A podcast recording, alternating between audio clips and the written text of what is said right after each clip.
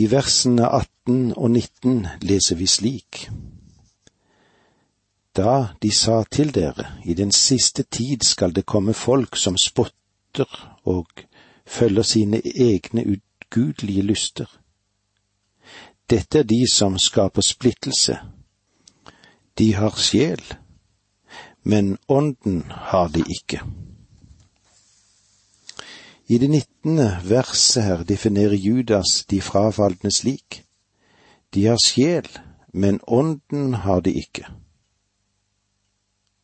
Han har gitt oss mange beskrivelser fra den frafalne at det er ingen grunn eller årsak til å skulle ta feil. Jeg tror at du kan prøve et, ugjen, menneske. Ja, selv en ugjenfødt predikant ved Guds ord. Guds ord, det fungerer nesten som en geigeteller, det.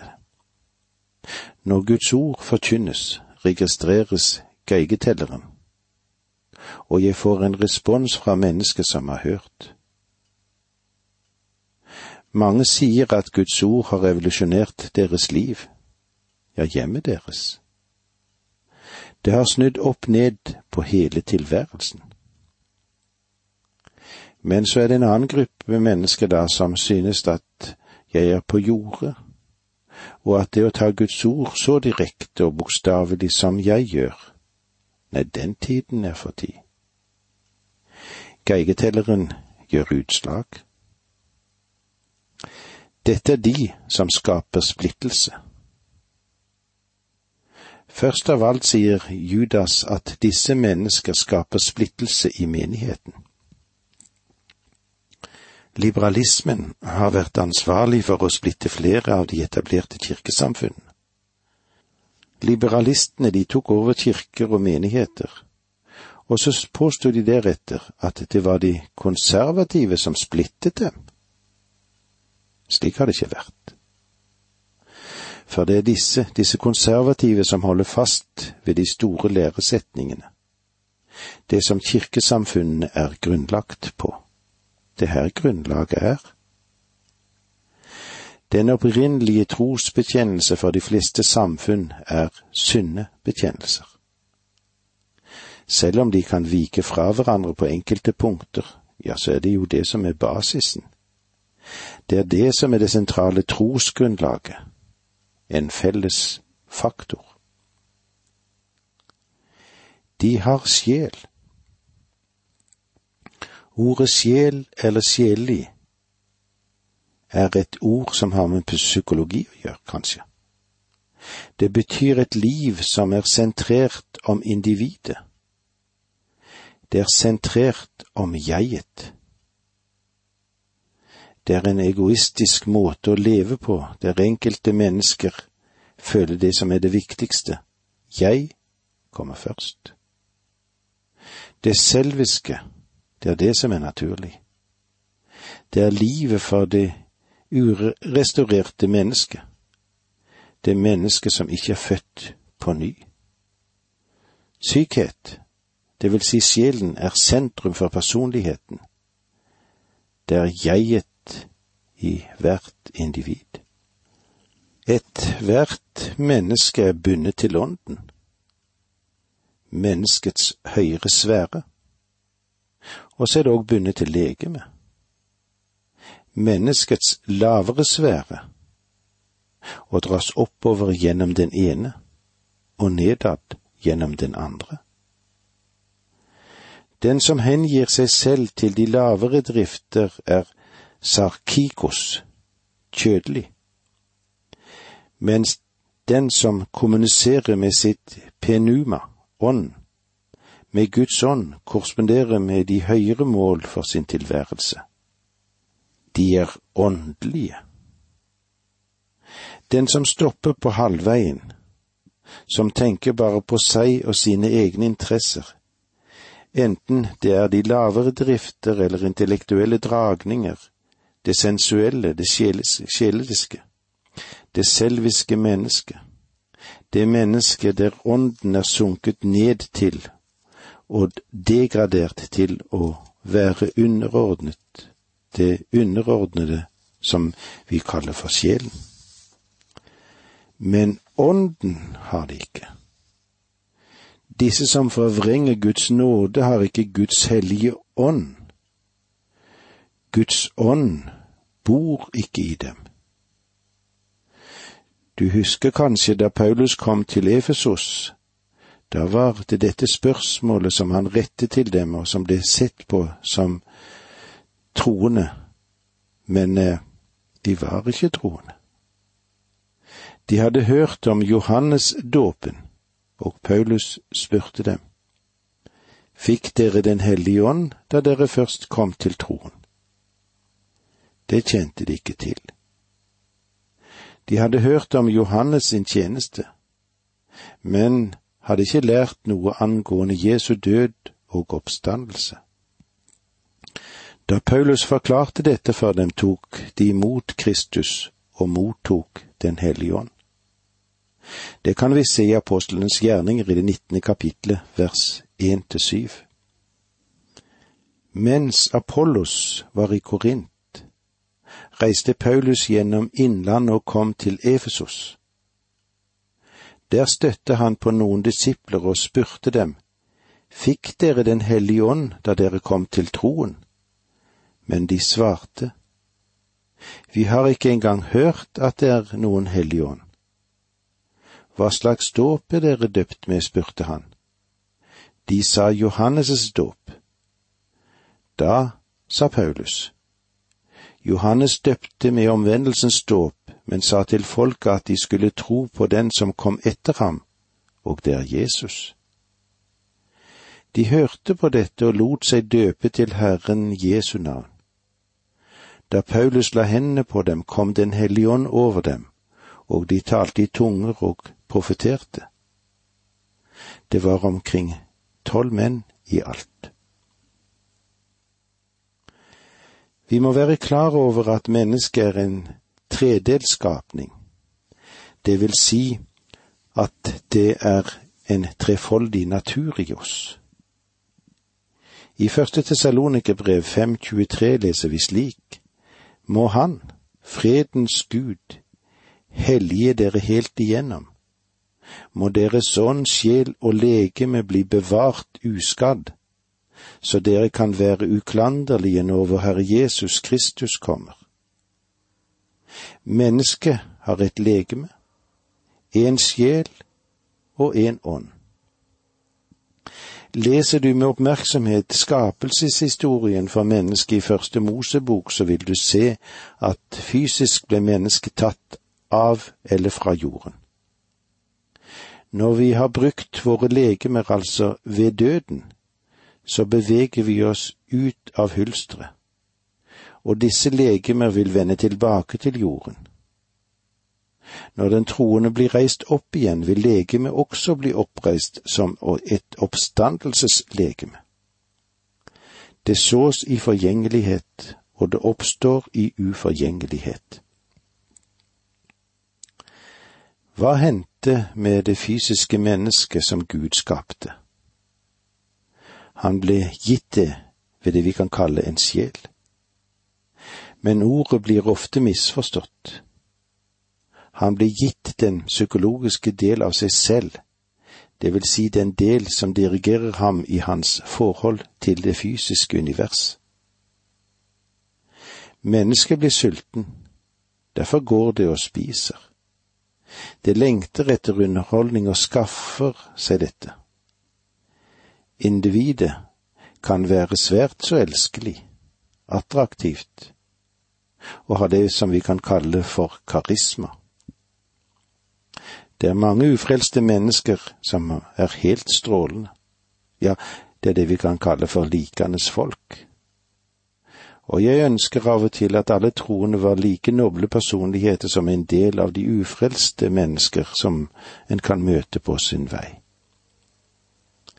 Selv om ufrelste mennesker kan være meget tiltalende på overflaten, så er det noe som er ute av laget under huden. Dette er menneskets psykologiske natur. Gud åndet inn i menneskelivet. og det vil vi komme tilbake til når vi møtes igjen neste gang. Det var så langt vi kom i dag. Takk for nå, må Gud være med deg. Dette undervisningsprogrammet består av to deler. Åge Nevland fortsetter nå med andre del av dagens undervisning. Vi er i Judas sitt brev, og eh, vi har stoppet litt opp for versene 18 og 19, og det vil vi gjøre nå i å gå videre i dette. I vers 18 og 19 leser vi slik. Da sa de til dere, i den siste tid skal det komme folk som spotter og følger sine egne ugudelige lyster. Dette er de som skaper splittelse. De har sjel, men ånden har de ikke. Judas, han er voldsomt når det gjelder språket sitt og de sterke advarsel. Det hadde neppe vært nødvendig om det ikke hadde foreligget noen reell fare for at noen av menighetens folk kunne bite på deres argumentasjon og la seg lokke over på vranglærerens side. Og når det skjedde, ja, så var splittelsen et faktum. En annen vurdering eller tolkning kan kanskje være, ikke minst når vi ser på de ord som følger like etter. Judas, han kaller dette òg for det naturlige mennesket som ikke har ånd. Naturlige menneske. Psykokikos, som kommer av psyk psykisk, egentlig sjelig, ånd, som i grunnteksten betyr nevma, derav pneumatiker egentlig et åndemenneske. Blant det gnostiske folk og vranglærere som var på den tiden, så var det veldig vanskelig å dele de kristne inn i to grupper. Kanskje en høyerestående gruppe, pneumatikere eller åndsmennesker. Hvor de hørte til selv? Ja, det kan han kanskje trekke noe ut av dette men på grunn av sin større åndelige innsikt eller kunnskap gnosis, så var det kanskje der noe av grunnen lå. Eller en lavere gruppe, de psykiske, sjelelige eller det naturlige, som altså ifølge gnostikerne manglet det vesentlige, de, nemlet, de manglet nemlig ånden. Judas, han går inn i denne merkelige og tunge tankegang men snur det hele opp ned, han. Det er pneumatikerne som mangler ånd.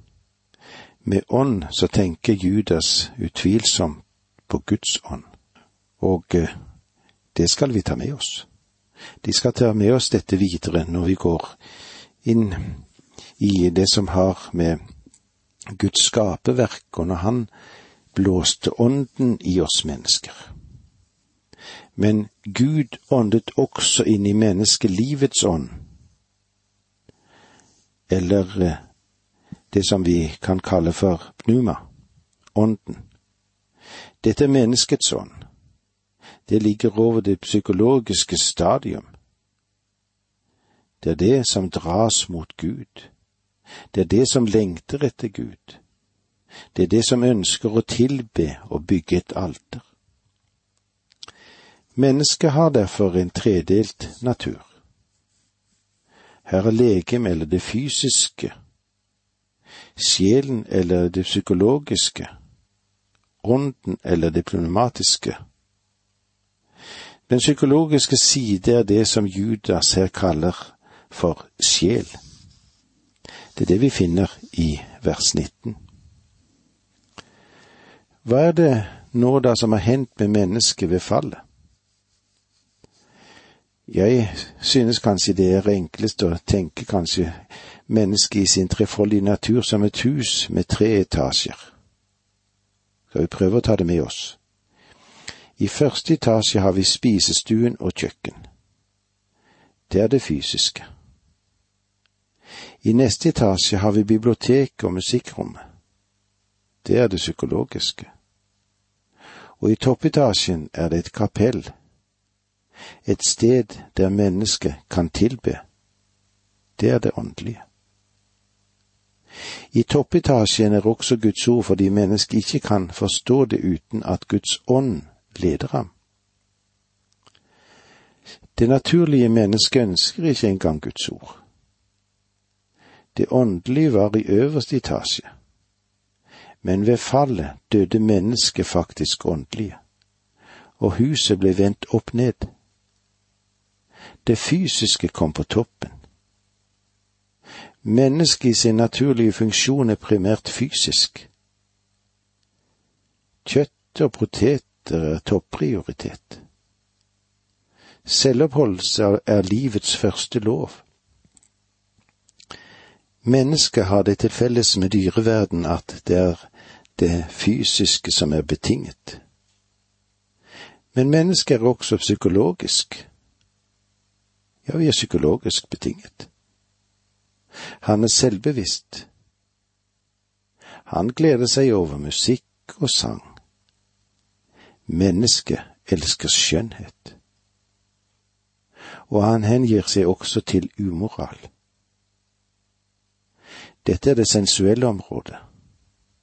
Sjelen, som Judas refererer til, det er det sensuelle området, sjelen men ved fallet døde den åndelige del av mennesket. Mennesket hadde ikke lenger evne til å søke Gud. Faktisk var mennesket nå en fiende av Gud. Underlig. Men da du og jeg kom til Kristus og stolte på ham, når vi stolte på ham som vår frelser, hva skjedde da? Jo, da fikk vi en ny natur og denne nye natur kan respondere, gi sitt gjensvar til Guds hellige ånd. Men vi har fremdeles den gamle naturen i oss. Vi er fremdeles kjødelige. Vi kan leve i kjødet. Paulus har en hel del å si om dette i det åttende kapittelet i Romerbrevet, og så skriver han til oss i vers fem. De som lever etter sin syndige natur, er bare opptatt av det som hører mennesket til, men de som lever etter ånden, er opptatt av det som hører ånden til. Og så fortsetter Paulus da å skrive videre i det sjette verset. For det mennesker av naturen trakter etter, fører til død men det Ånden vil, leder til liv og fred. Når du lever i din lavere natur, den psykologiske, den sensuelle, så er du død for Gud og har ikke noe fellesskap med ham. Det fellesskapet ble brutt. Johannes sier det slik i sitt første brev, i det første kapittelet der og vers seks. Om vi sier at vi har samfunn med ham, og vandrer i mørket, da lyver vi og følger ikke sannheten. Men den som lever i ånden og prøver å behage Gud, lever i en ny dimensjon. Ånden i et slikt menneske gjør det Gud ønsker, i stedet for å dras nedover og gjøre det som kjødet ønsker vi skal gjøre. Nå sier Paulus òg i Romerbrevet 8,7 det menneskene av naturen trakter etter, betyr fiendskap mot Gud. For vår onde natur bøyer seg ikke for Guds lov. Ja, den kan ikke gjøre det. Du kan ikke tvinge denne gamle naturen inn under lydighet mot Gud. Du kan ikke reformere mennesket. I Romerbrevet åtte, åtte og ni så sies det slik til oss. Slik menneskene er i seg selv, kan de ikke være etter Guds vilje. Men dere er ikke i den syndige natur, dere er i ånden, så sant Guds ånd bor i dere. Den som ikke har Kristi ånd, hører ham ikke til. Du kan ikke behage Gud om du bare tjener ditt eget kjød.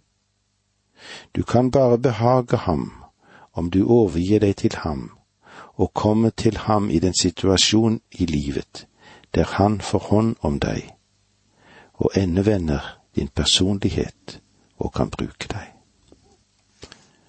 Og det vi har vært innom nå, leder meg til å si noe om hva som hender når et menneske blir omvendt.